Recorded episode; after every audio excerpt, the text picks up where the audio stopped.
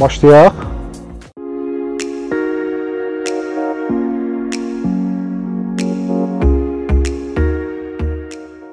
Dəyərli izləyicilərimiz salam. Sizin hər birinizi Bizniskar kanalımızda salamlayırıq. Bugünkü e, Bizniskarın qonağı peşəkar təlimçi, koç, layihə meneceri, TEDx-in spikeri Fəxri Məhəmmədzadədir. Fəxri bəy, xoş gəlmisiniz. Xoş görüşdük. Hər vaxtınız xeyir olsun. Fəxri bəy, ilk sualım belədir. Ümumiyyətlə biz izləyirik, sizi dəvət eləmişik. Baxırıq sosial şəbəkələrdə çox aktivsiz, çox aktiv iştirak edirsiniz. Amma sizi bilməyən, tanımayan şəxslər üçün bir 3-4 cümlədə özünüzü necə təqdim edə bilərsiniz? Bir daha hər kəs salamlayıram bizi izləyən gəncləri, dostları. Adım Fəxri Məhəmmədzadə. Təhsilim bakalavr, magistr, doktorantura pilləsi üzrə təhsil almışam. Təlimçilik fəaliyyəti ilə məşğulam artıq 12 ilə yaxındır. Eləcə də müxtəlif yerli və beynəlxalq layihələrin həyata keçirilməsində təşkilatçı kimi fəaliyyət göstərirəm. Biz yenə düzdür, sizin haqqında məlumatları ancaq sosial şəbəkələrdən ala bilirdik. Bu sosial şəbəkələrdə belə bir sizin müxtəlif universitetlərdə təhsil aldığınız barədə və orada PhD dərəcəsi olması barədə məlumatları gördük. Həm də ki, müxtəlif təcrübə proqramlarında iştirak edirsiniz. Ümumiyyətlə bir sual nədən ibarətdir? Yəni bu Birincisi bu qədər bu qədər şey az bir müddətdə necə bacarmısınız eləməyə, həm də ki hansı universitetlərdə ümumiyyətlə təhsil almısınız və yaxud da yerli və xarici universitetlərdən təbii ki necə eləsiniz? Çox sağ olun. Deməli, həm ə, belə deyək ki, Azərbaycanda ə, üstünlük vermişəm təhsil almağa ilk növbədə, yəni bakalavr, magistr və doktorantura proqramlarını. Amma ə, buna baxmayaraq, ə, yəni təhsilə bir belə deyək də, ə, bir anlayışdır ki, onun yəni bir təkcə bir ə, mühitlə məhdudlaşdırmaq olmur da. Yəni dünyanın müxtəlif ölkələrində də, yəni təcrübə proqramlarında iştirak etmişəm. Bura daxildir Polşa, Macarıstan, Türkiyə, Gürcüstan, Ukrayna, Slovakiya və digər Avropa ölkələrində olub, hansı ki o təcrübə proqramları, universitetlərdə olan youth change proqramları deyirik də, yəni gənclər mübadiləsi proqramlarında iştirak etmişəm və orada təbii ki həm ixtisas yönümlü olub, həm layihə menecmenti ilə bağlı proqramlar olub, eyni zamanda da ki, yəni şəxsi inkişaf proqramları olub hansı ki o proqramlarda iştirak edərək insan öz potensialını artırmış olur, bilik və təcrübəsini artırmış olur və təbii ki o bilik və təcrübəni də gəlib burada yəni gənclərlə bölüşmək, təlimlərdə onu tətbiq etmək kimi bir istək olub içimdə və onu da tətbiq edirəm yəni. Mən belə başa düşdüm ki, siz universitetləri bu qutarandan sonra bir müəllim kimi dərs deməyə başlamısınız. Bəli, bəli bir gənc müəllim kimi. Bu necə oldu sizdə? Yəni gənc müəllimlərə adətən birbaşa tələbələr də, yəni tələbələr ə, e, uyğunlaşa bilmirlər ya nə bilim, bəzi təcrübəsiz hesab eləyirlər ümumiyyətlə müəllimləri. Amma sizdə ümumiyyətlə bu proses necə getdi? Yəni çətin olmadı ki? Ə, e, qeyd edim ki, mən əslində tələbə olduğum dövrdən çox aktiv ictimai həyata başlamışam. Ə, e, elə universitetin birinci kursundan universitetin gənclər təşkilatında başladım fəaliyyətə. Müxtəlif layihələrin təşkilatçısı, müxtəlif universitet daxili, daha sonra ümumiyyətlə müxtəlif ə, gənclər təşkilatlarında fəaliyyət göstərdim. Onlar təbii ki, insanın o nitq qabiliyyətini, düşüncə ə, belə deyək də, genişliyini artırmış olurlar. Yəni düşüncə genişliyinə gətirib çıxardılar təbii ki. Və bu mənada ə, həmçinin mən də tələbə olduğum dövrdən artıq təlimçilik fəaliyyətinə başlamışdım və getdikcə bu fəaliyyəti inkişaf etdirmişdim. Yəni ki, ölkə daxili, daha sonra yəni ölkə xaricinə ə, belə deyək də, bu təlimləri ölkə xaricində ə, keçirdim və avtomatik müəllim kimi fəaliyyətə başlayanda da, yəni universitetdən dəvət alanda da bu mənada artıq çox rahat oldu. Çünki artıq neçə illərdir ki, ATOya qarşısında idim hansısa bir formatda tədbirlərdə təlimçi kimi, layihə meneceri kimi, təşkilatçı kimi. Amma istənilən halda təbii ki, tələbələrin səninlə 2 yaş fərq olması aramızda mən artıq magistraturanın ikinci pillə kurs pilləsindən artıq universitetdən dəvət aldım müəllim kimi. Yəni bakalavr pilləsində dərs deməyə başladım və həmin müddətdə tələbələrlə mən çalışdım dost münasibəti qurum. Yaş fərqimiz az idi təbii ki.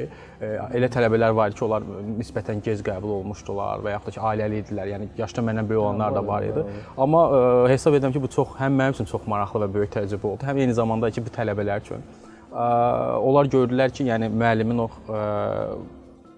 baxışı, onlara olan münasibəti ilk növbədə dürüstlük və dəyərlər üzərində qurub. Ümumiyyətlə biz bilirik ki, artıq bütün dünyada, yəni dəyərlər təhsili, dəyərlər sistemi üzərində qurulan təhsil önəmli hesab olunur. Yəni istənilən insana hər hansısa bir məlumatı öyrətmək rahatdır. Yəni bu mümkündür. Amma onu ona inandırmaq, onda müəyyən o dəyərləri aşılamaq, onda dürüstlüyü formalaşdırmaq artıq o məlumatı öyrətməyi asanlaşdırır əslində. Yəni fənni sevdirmək, niyə görə öyrənmək lazımdır? Yəni biz müəllim kimi silabusda qeyd edəndə ki, bu fənnin sənə əhəmiyyəti nədir? Bu fənn sənin həyatında nəyi dəyişə biləcək? Yəni bu predmeti öyrənməklə sən ətrafa necə təsir göstərə bilərsən və yaxud da bunu iş həyatına necə tətbiq edəcəksən. O zaman tələbələrin bu ənənəvi olmayan münasibətə, yəni ənənəvi olmayan müəllim münasibətinə ə, münasibətləri baxışları tamam fərqli olur. Səninlə dostlaşırlar və hətta təvəzzökarlığınız olsa qeyd edim ki, ə, digər dərslərə qatılmayan tə tələbələr belə mən görürəm ki, bizim dərslərə qatılırlar və çox yaxşı qiymət alırlar. Bu təbii ki, məni bir gənc müəllim kimi sevindirdi universitetdə.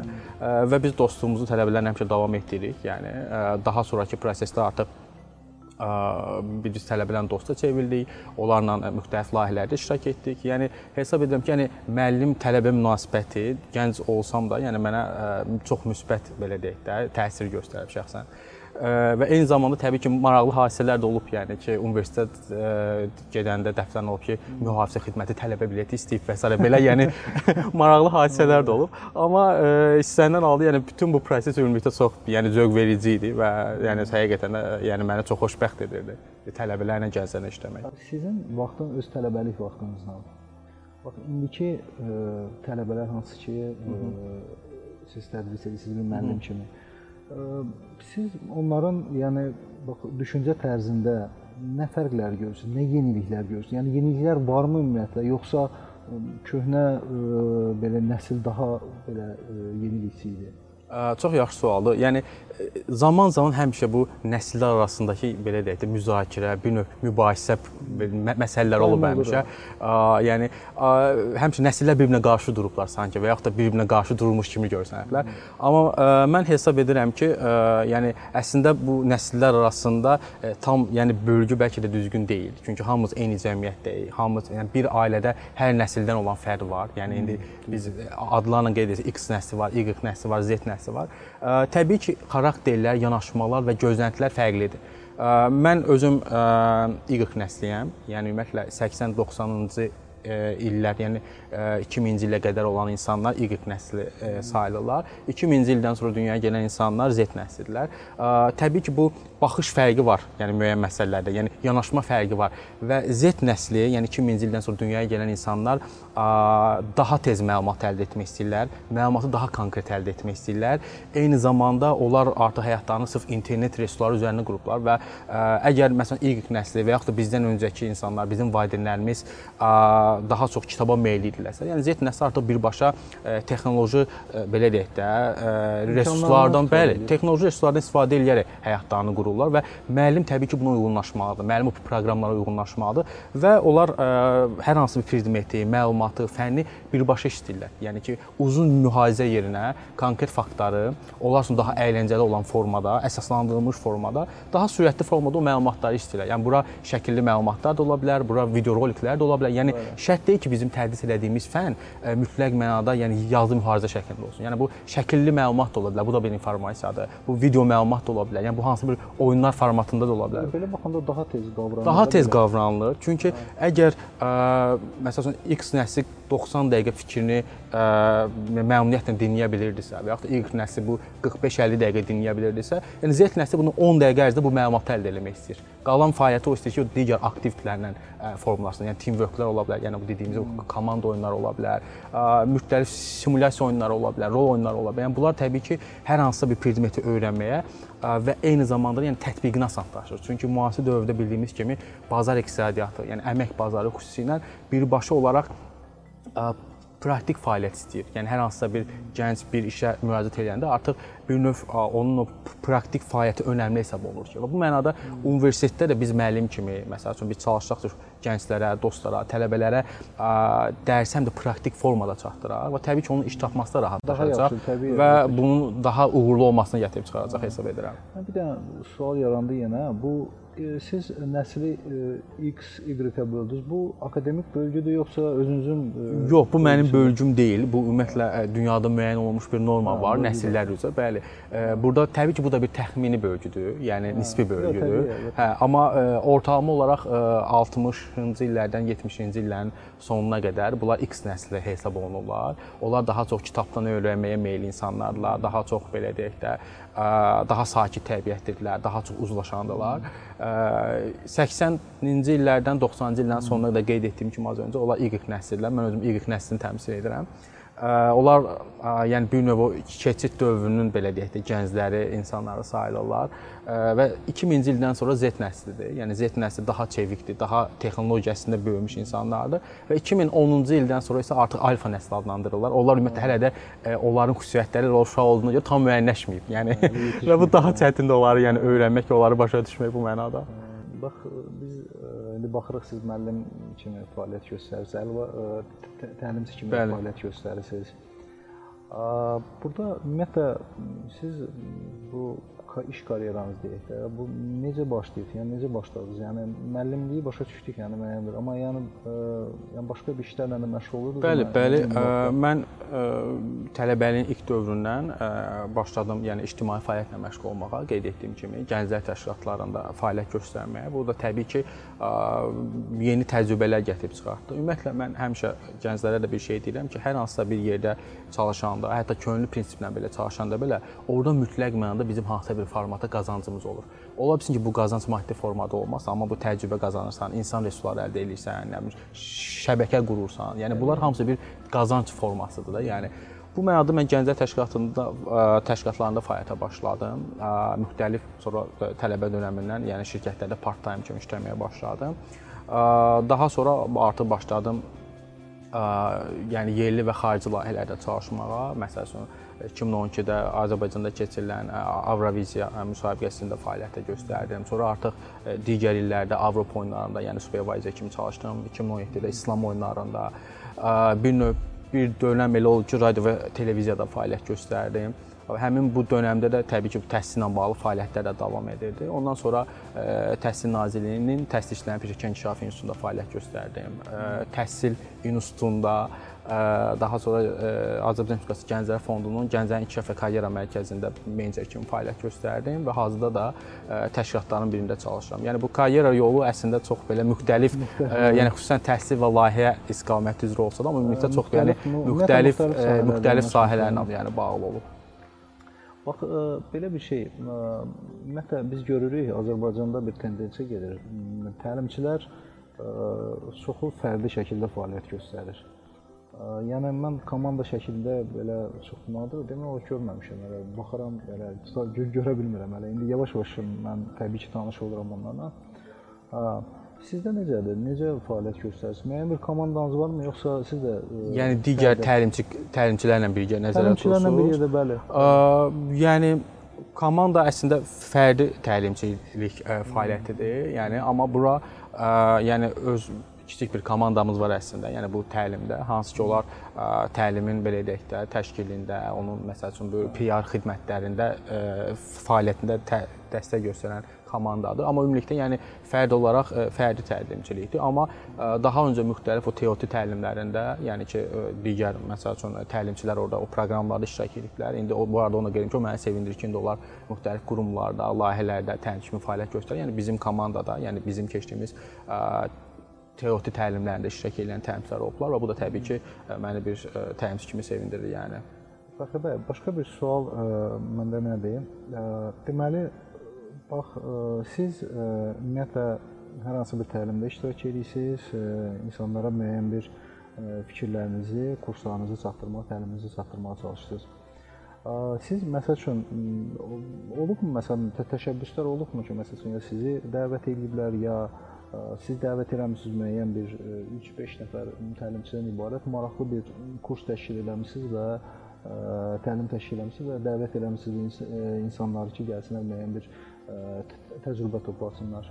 birgə ə, kurs nəzərdə birgə, hə. Yəni birgə təlimlər olub, yəni təhsil ə, menecmenti ilə bağlı, təhsil idarə etməsi ilə bağlı xüsusən ə, müəllimlər üçün nəzərdə tutulan təlimlər olub. Orada mən və digər ə, təlimçi dostlarla birgə bunu həyata keçirmişik. Məsələn, birimiz əgər tədrisdə komanda quruculuğundan danışmışıqsa, birimiz məsəl üçün valideyn və şagird münasibətlərini tənzimləməkdən danışmışıq. Yəni bu növ təlimlər yəni olub, olub yəni bir birgə fəaliyyətlər olur. Yəni bunlar yəni hər il, yəni ki, müəllimlər üçün hər ilin başlanğıcında bunu edirik, yəni.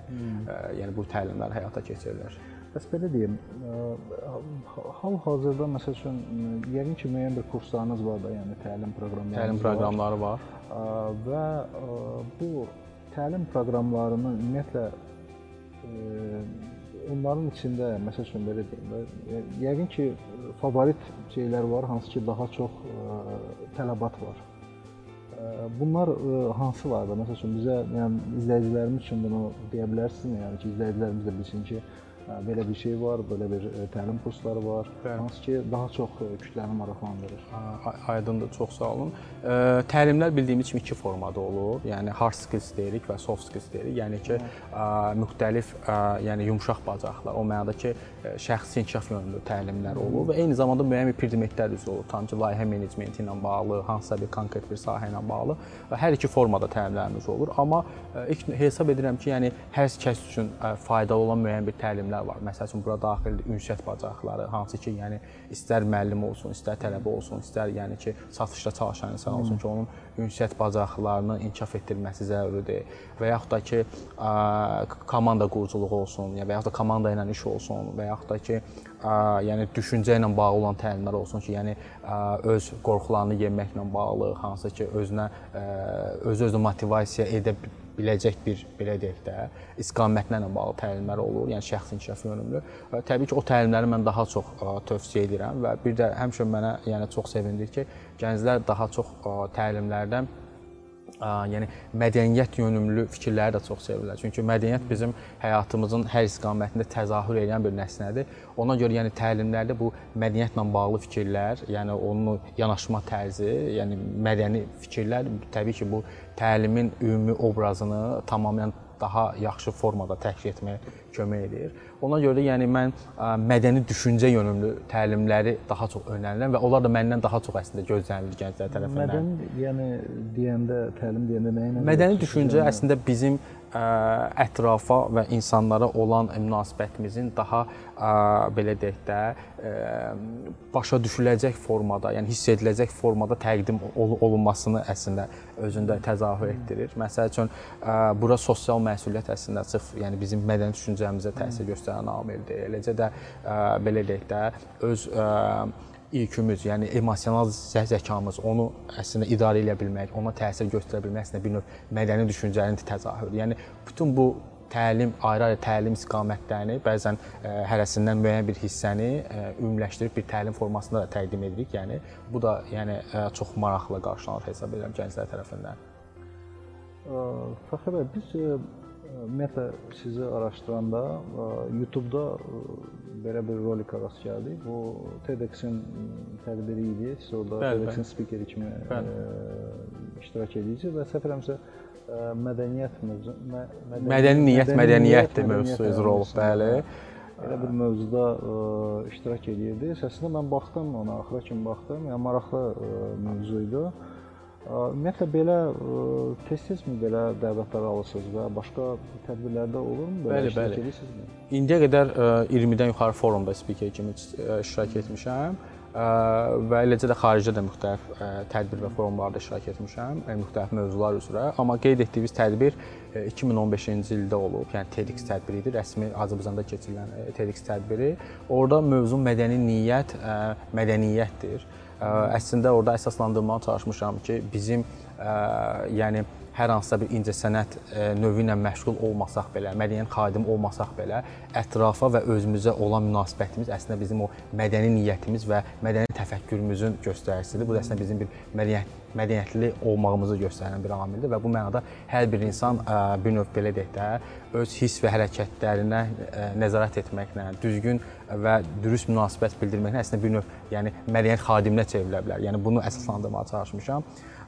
Və hesab edirəm ki, ümumiyyətlə mədəniyyət elə bir anlayışdır ki, mən yəni mənim bazı ixtisasım özü mədəniyyət şünaslıqdır Və bu mənada hesab edirəm, yəni mədəniyyət elə bir sahədir ki, istər nitq mədəniyyəti olsun, istər ünsiyyət mədəniyyəti olsun, yəni hüquq mədəniyyəti olsun. Yəni bütün sferlərdə, yəni ki, mədəniyyət tamili gözlənilməlidir. Yəni bizim bu çəkilişin özünün belə deyək də müəyyən bir qanunları var. Yəni burada bir ünsiyyət belə deyək də mübadiləsi gedir. Bu özü bir mədəni göstəricidir əslində. Yəni efir mədəniyyəti anlayışı deyirik. Yəni müəllim tələbə arasında olan mədəni münasibət. Yəni hər şeydə əslində mədəniyyət o qədər geniş anlayışdır ki, yəni bütün sferlərdə bunu ə, təqdim etmək mümkündür və əslində olunmalıdır da. Ə, bu mənada yəni mövzunu daha çox o istiqamətə qoymuşam və deyilənə görə yəni maraqlı alınıb. Yəni maraqlı bu da təbii ki, məni sevindirir yəni. Bizdə olan məlumata görə sizdə yəni kifayət qədər çox kitab var. Bəli. Nə qədər düzgündür, yəni indi bu sizin araşdıranda bütün məlumatlar çıxır. Yəni ki, ümumiyyətlə bu kitablara belə uşaqlara qarşı belə məhəbbətinizi oxumağa qarşı ə, həvəsiniz nə vaxtdan yarandı, nə vaxtdan başlamısınız kitablarla maraqlanmağa və ə, mədəniyyət mövzusunu ə, aydın məsələdir ki, siz dərindən orada yəni oxuyursunuz o sahədən kitabları, amma başqa hansı sahədə janrlara müraciət edirsiniz? Kitab mənim üçün çox doğma mövzudur. Yəni hmm. çox yaxşı da qeyd elədiniz. Mən 3-4 yaşından əslində kitablarla oynamağa başlamışam ilkin olaraq. Yəni hmm. oyuncağın deyilinə görə kitablar olub, yəni evdə. Daha sonra mən dünyaya gələndən ümumiyyətlə şahid olmuşam ki, bizim evdə böyük bir kitabxana olub. Yəni valideynlərimin ailə kitabxanası, bəli, bəli, artıq kitablar var idi. Təbii ki, sonradan mən də, qardaşım da özümüz yəni təhsil sahəsində olandan sonra avtomatik yəni istər ixtisasla bağlı, istər dünya görüşlə bağlı, bədii ədəbiyyatla bağlı kifayət qədər kitablar toplamışıq və onları oxumağa çalışırıq. Yəni evdə bir 4-5 min kitab var bizdə ümumi ailədə. Yəni çox biz hərdən yəni yarı zarafat, yarı gerçək deyirəm ki, biz yəni kitabxanada yaşayırıq. Yəni evin dörd tərəfi kitabları. Bu təbii ki, mənə zövq verir. Hmm. Səhv etmirəmsə Höt deyib ki, yəni ən sevdiyim məşğuliyyət kitablar arasında eşələnməkdir.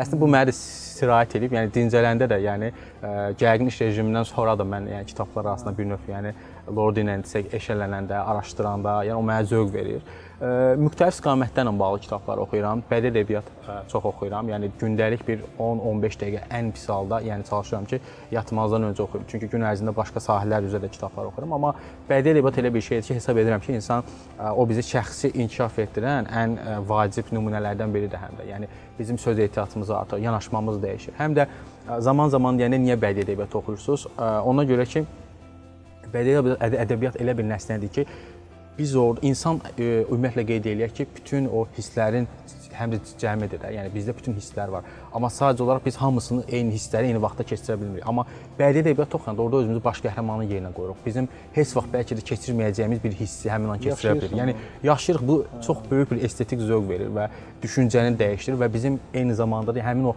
dediyimiz o mədəni düşüncə amilini formalaşdırır bizə və biz ayrı-ayrı insanlar üçün ayrı-ayrı insanları duymaq qabiliyyətimiz artır. Bu da bir növ bizim o belə deyək də müşahidə qabiliyyətimizi inkişaf etdirir, təhlil etmə qabiliyyətimizi inkişaf etdirir ki, və bunlar təbii ki, müasir dövrdə hər biri iş dünyası üçün önəmlidir. Yəni bir fərd üçün artıq bilirik ki, dünyanın bütün ölkələrində təkcə ixtisasla bağlı biliklər kifayət etmir onun o təhlil etmə qabiliyyəti, onun o müşahidə qabiliyyəti, dünya görüşü, dünya görüşü riskləri görmə qabiliyyəti. Bax bunlar hamısı bizim o soft skills dediyimiz, yəni yumşaq bacarıqlar dediyimiz kitablarla, xüsusən bu bədii ədəbiyyatla daha yaxşı əldə olunur. Yəni bizim o yanaşma tərzimizi inkişaf etdirir və bu təbii ki, bu çox vacib məqamdır. Ona görə yəni mən kitablar mənim yəni ayrılmaz bir hissəmdir deyərdim. Mənə doğmadır və hər gün yəni ki kitab oxuyuram və bu artıq bir növ necə deyim, dəyişməz bir qanundur yəni mənim üçün yəni.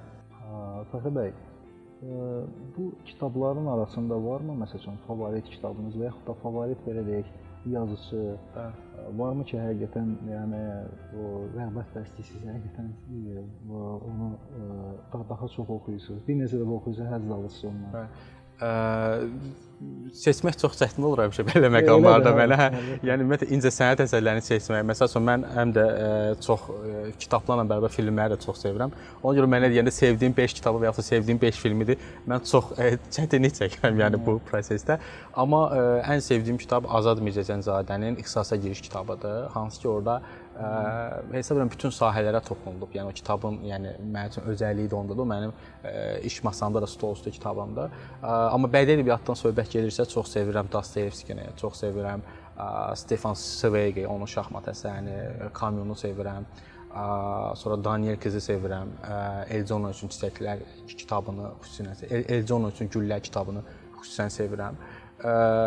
Sonra yəni bu istiqamətdə olan yəni kitabları çox sevirəm və bir də mən antik dövr fəlsəfəsi ilə çox maraqlanıram. Çünki yəni düşünürəm ki, kifayət qədər yəni ki, estetik zövq verir o kitablar mənə və yəni kitablarım arasında antik fəlsəfə ilə bağlı kifayət qədər kitablar var. Əslində bizi izləyən dostlara da, gənclərə də yəni o kitabları oxumağı tövsiyə eləyərdim və düşünərək, hiss edərək oxumağı yəni. Antik fəlsəfədən yəni ə, kimləri yəni Antik fəlsəfədən ə, yəni Sokrat çox maraqlıdır. Yəni yəni Aristotel çox maraqlıdır. Yəni ümumiyyətlə ə, yəni antik fəlsəfənin özünü oxumaq çox maraqlıdır. Yəni ki, ə, günümüzdə olan bir sıra belə deyək də fikirlər hesab edirəm ki, yəni antik dövrə gedib dayanır. Yəni və onu oxuyanda o insan həqiqətən zövq alır. Ümumiyyətlə kitab nə qədər ə, keçmişi xatırladırsa, yəni keçmişlə bağlıdırsa, bizim o ə, keçmişə çatmaq ə, və yaxud keçmişdən nəyisə öyrənmək və daha yeni informasiya əldə etmək belə deyək də, biliyimiz də artmış olur. Yəni ki, var 200 il bundan qabaq, 300 il bundan qabaq yazılan kitab. Deməli biz 300 il bundan qabaqki insanların yaşam tərzini, düşüncə tərzini, münasibətlərini öyrənmiş oluruq. Həyata baxışlarını öyrənmiş oluruq və şahidi oluruq ki, əslində bir sıra şeylər dəyişmir əslində. Yəni elə məqamlar var ki, insanların o hisslərlə bağlı şeylər, düşüncələrlə bağlı şeylər, onlar heç də dəyişmir. Yəni 2000 il sonra keçsə də dəyişmir. O mənada kitablar yəni çox doğmadır, çox dostdur, yəni və heç dünyanın ə, ən uğurlu iş adamlarının da həyatlarının ə, və hətta biraz belə emosional formada desək, ə, böyük bir hissəsini, yəni vaxtlarının bir çoxunu əslində kitab oxumağa sərf edirlər. Bu da yəni təsadüf deyil ki, yəni kitablardakı zənginlik ə, təbii ki, buna ə, çağırış edir hesab edirəm. Ümumiyyətlə mən izləyicilərimizə bir məsələni nəzərlərini çatdırmaq istəyirəm. Bu çox insanlarla biz artıq müsahibə aparırıq, intervyu aparırıq müəyyən bir insanların həyat və yaradıcılığına baxırıq. Burada açar hissəsi bunun kitabdır. Bu insanlar hamısı, yəni kifayət qədər çox kitablar oxuyublar, təhsil alıblar, özlərinin təhsilinə nəzər yetiriblər və gücləndiriblər bunu. Mən belə fikirləşirəm ki, bu məsələyə, yəni uşaq vaxtından indi özünüzdə əgər alınmayıbsa, ən azından uşaqlarınızı bu fonda tərbiyə edə bilərsiniz ki, daha çox ə, e, kitablara meyl göstərsinlər.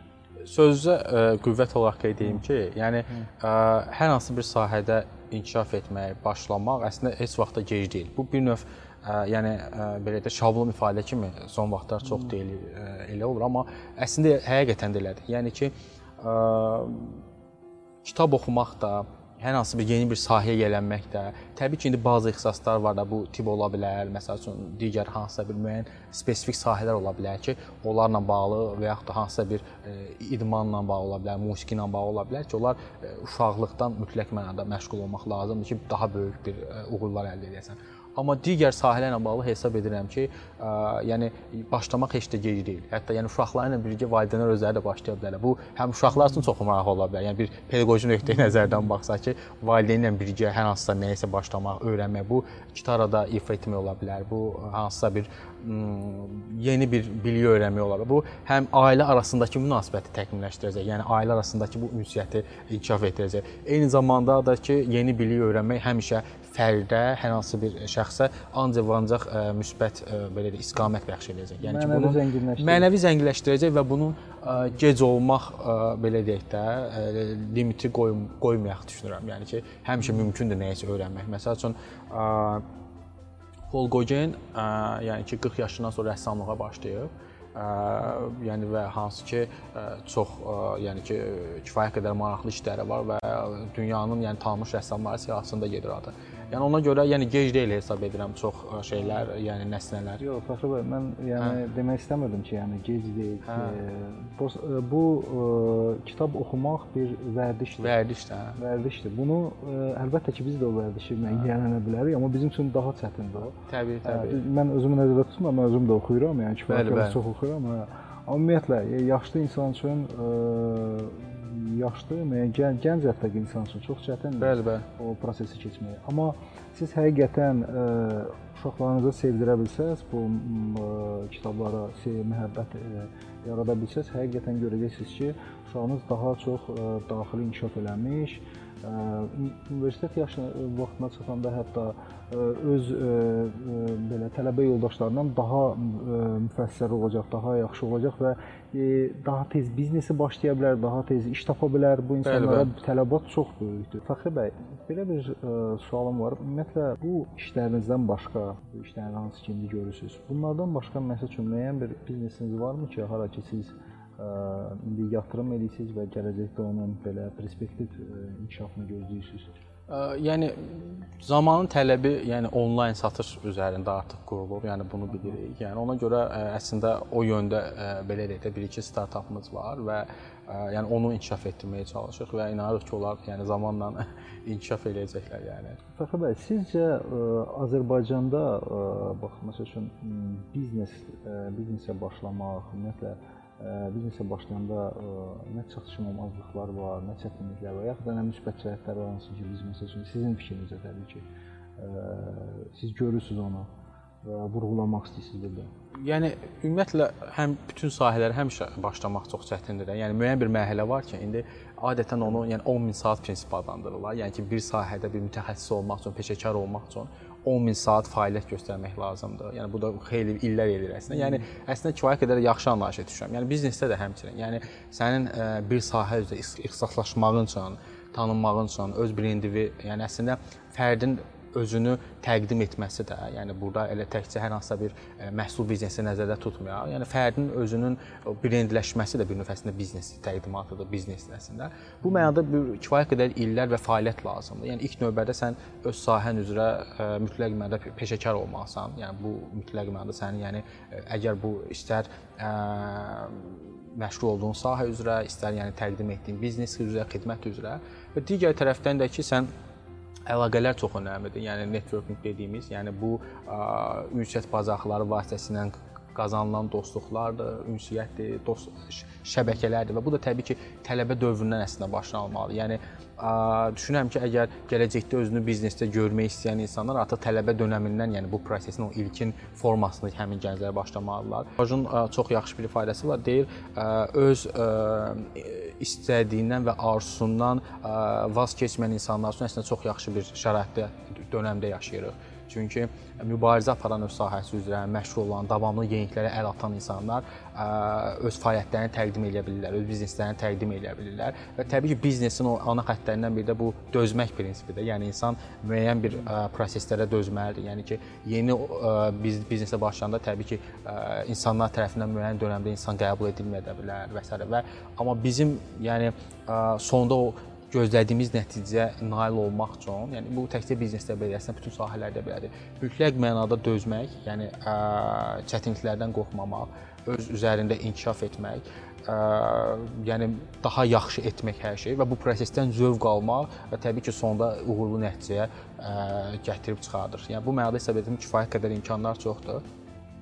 Digər tərəfdən ki, Arthur Charles'ın çox yaxşı bir sözü var. O qeyd edir ki, əgər hər hansısa bir uğur, ideya dünyanı dəyişmək gücündədirsə, biz ki bunun zaman-zaman şahidi olmuşuq. Yəni dünyada e, hazırda bir çox böyük bir şirkətlərin, yəni ideyaları, yəni kiçik bir ideya üzərində qurulub da, yəni bütün bu uğurlar. O zaman heç uğursuzluğun heç bir əhəmiyyəti yoxdur. Yəni bir ideya əgər dünyanı dəyişə bilirsə, bu qədər e, faydalılıq gətirə bilirsə cəmiyyətə, insanlara, dünyaya, yəni o zaman uğursuzluqların heç bir əhəmiyyəti olmur. Yəni e, bu dəfələrlə əslində bu təkrarlanıb digər təlimçi dostlar tərəfindən, ümumiyyətlə ictimai fikir insanları tərəfindən. Yəni çətinliklər, yəni hər hansı bir sahədə olan çətinliklər insanın qorxuzmamalıdır, əksinə motivasiya verməlidir və insan çalışmalıdır ki, onu inkişaf elətdirsin. Yəni özündə o boşluqları inkişaf elətdirsin. Və təbii ki, şəxsi baxımdan inkişaf eləyəndə bizim o ə, düşüncə tərzimiz, yəni dedim, o mindset dediyimiz o yanaşmamız, düşüncəmiz inkişaf eləyəndə o ə, biz özümüzü təkmilləşdirəndə təbii ki, bizim o təkmil münasibətimiz ətrafa da təsir göstərir və beləcə bizim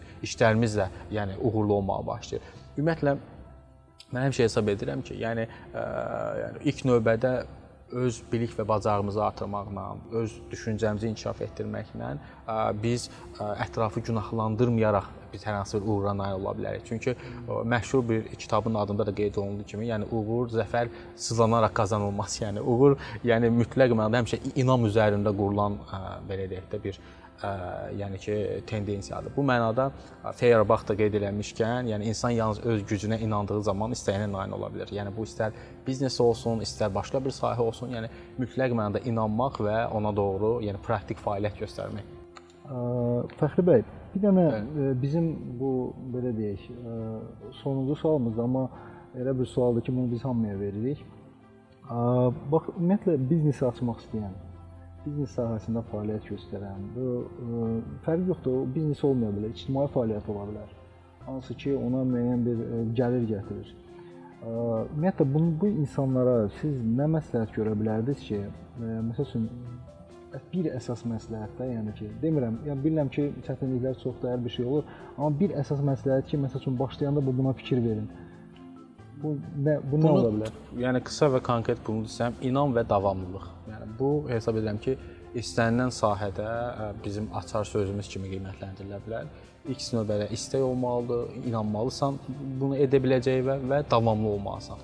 Hətta mən ə, həmişə deyirəm ki, ə, gündəlik 10-15 dəqiqəlik fəaliyyət, ə, yəni ə, ayda bir dəfə 5 saatlıq fəaliyyətdən daha çoxdur. Sadə bir ə, dillə qeyd etsək, hər gün 15 dəqiqəlik hər hansısa bir ə, idman fəaliyyəti ilə məşğul olsaq, idman hərəkətləri eləsək, bu ortalama 1 aya eləyəcək tutalım 10 saat, məsələn, ə, belə qiymətləndirsək. Ə, amma ayda bir dəfə cəmsi bir gün 10 saat məşğul olsaq, bu bizə fayda verə bilməz. Əksinə əzəllərimiz ağrıyar, əksinə bizi yorar və yəni bizim inkişafımıza xeyir ola bilməz. Amma gündəlik 15 dəqiqə idman hərəkətləri bizi bir aydan sonra bəlli bir ə, dərəcə gətirə bilər. Eləcə də işdə də bilər. Yəni hər hansısa bir ideya varsa, ilk növbədə onu gənclər yazıya almalılar. Çünki mən çox gənclərlə təlimlərdə rastlaşıram, qeyd edirlər ki, mənim ideyam var idi, ideyamı kimsə götürdü və yaxud da ki, ideyanı unutdum və s. Onu mütləq mənada ilk növbədə yazıya köçürmək lazımdır. Yəni yazıya köçürəndə o artıq sənin üçün bir növ vizuallaşır. İdeya formasından artıq müəyyən qədər bir ə, belə deyək də praktik formaya keçir. Artıq sən ona yazını yazı formasında həmin ideyanı sən görə bilirsən. Artıq onu unutmursan və artıq sən onu etmək istəyi formalaşır. Ə, idmanda da eləcə dediyim kimi ə, hər hansı bir ixtisas öyrənəndə də, biznesdə də kiçik fəaliyyətlər gündəlik olan kiçik fəaliyyətlər bizi uğura aparan ən başlıca hesab edirəm ki, vasitədir. Ona görə də bütün bu deyilənləri ümumiləşdirsək, hesab edirəm ki, ilk növbədə inam olmalıdır, ilk növbədə istək olmalıdır və daha sonra da davamlı fəaliyyət olmalıdır. Yəni davamlılıq bütün uğurların hesab edirəm ki, başlanğıcı kimi qiymətləndirilə bilər. Fəxri bəy, ümumiyyətlə danışılacaq mövzular çoxdur. Özünüz də belə maraqlı çox danışırsınız. Ümid edirik ki, bu yenə dəvətimizi gələcəkdə qəbul edərsiniz, gələrsiniz, kanalımızda iştirak edərsiniz. Bu izləyicilərimizə maraqlı fikirlərinizi bildirərsiniz. Bir daha gəlib iştirak etdiyiniz üçün təşəkkürümüzü bildiririk. Çox sağ olun. Mən də çox təşəkkür edirəm dəvətə görə. Bizneskar komandasına, eləcə də bizi izləyən dəyərli dostlara daima özünüzə inamlı olun və inam istəklərinizin ardıcıl gedin. O zaman uğura nail olacaqsınız. Təşəkkürlər. Dəyərli izləyicilərimiz, bir daha izlədiyiniz üçün sizə təşəkkürümüzü bildiririk. Əgər video həqiqətən sizin üçün də faydalı oldusa, like etməyi, şərh yazmağı və dostlarınızla paylaşmağı unutmayın. Yeni videolarda görüşmək ümidi ilə sağ olun.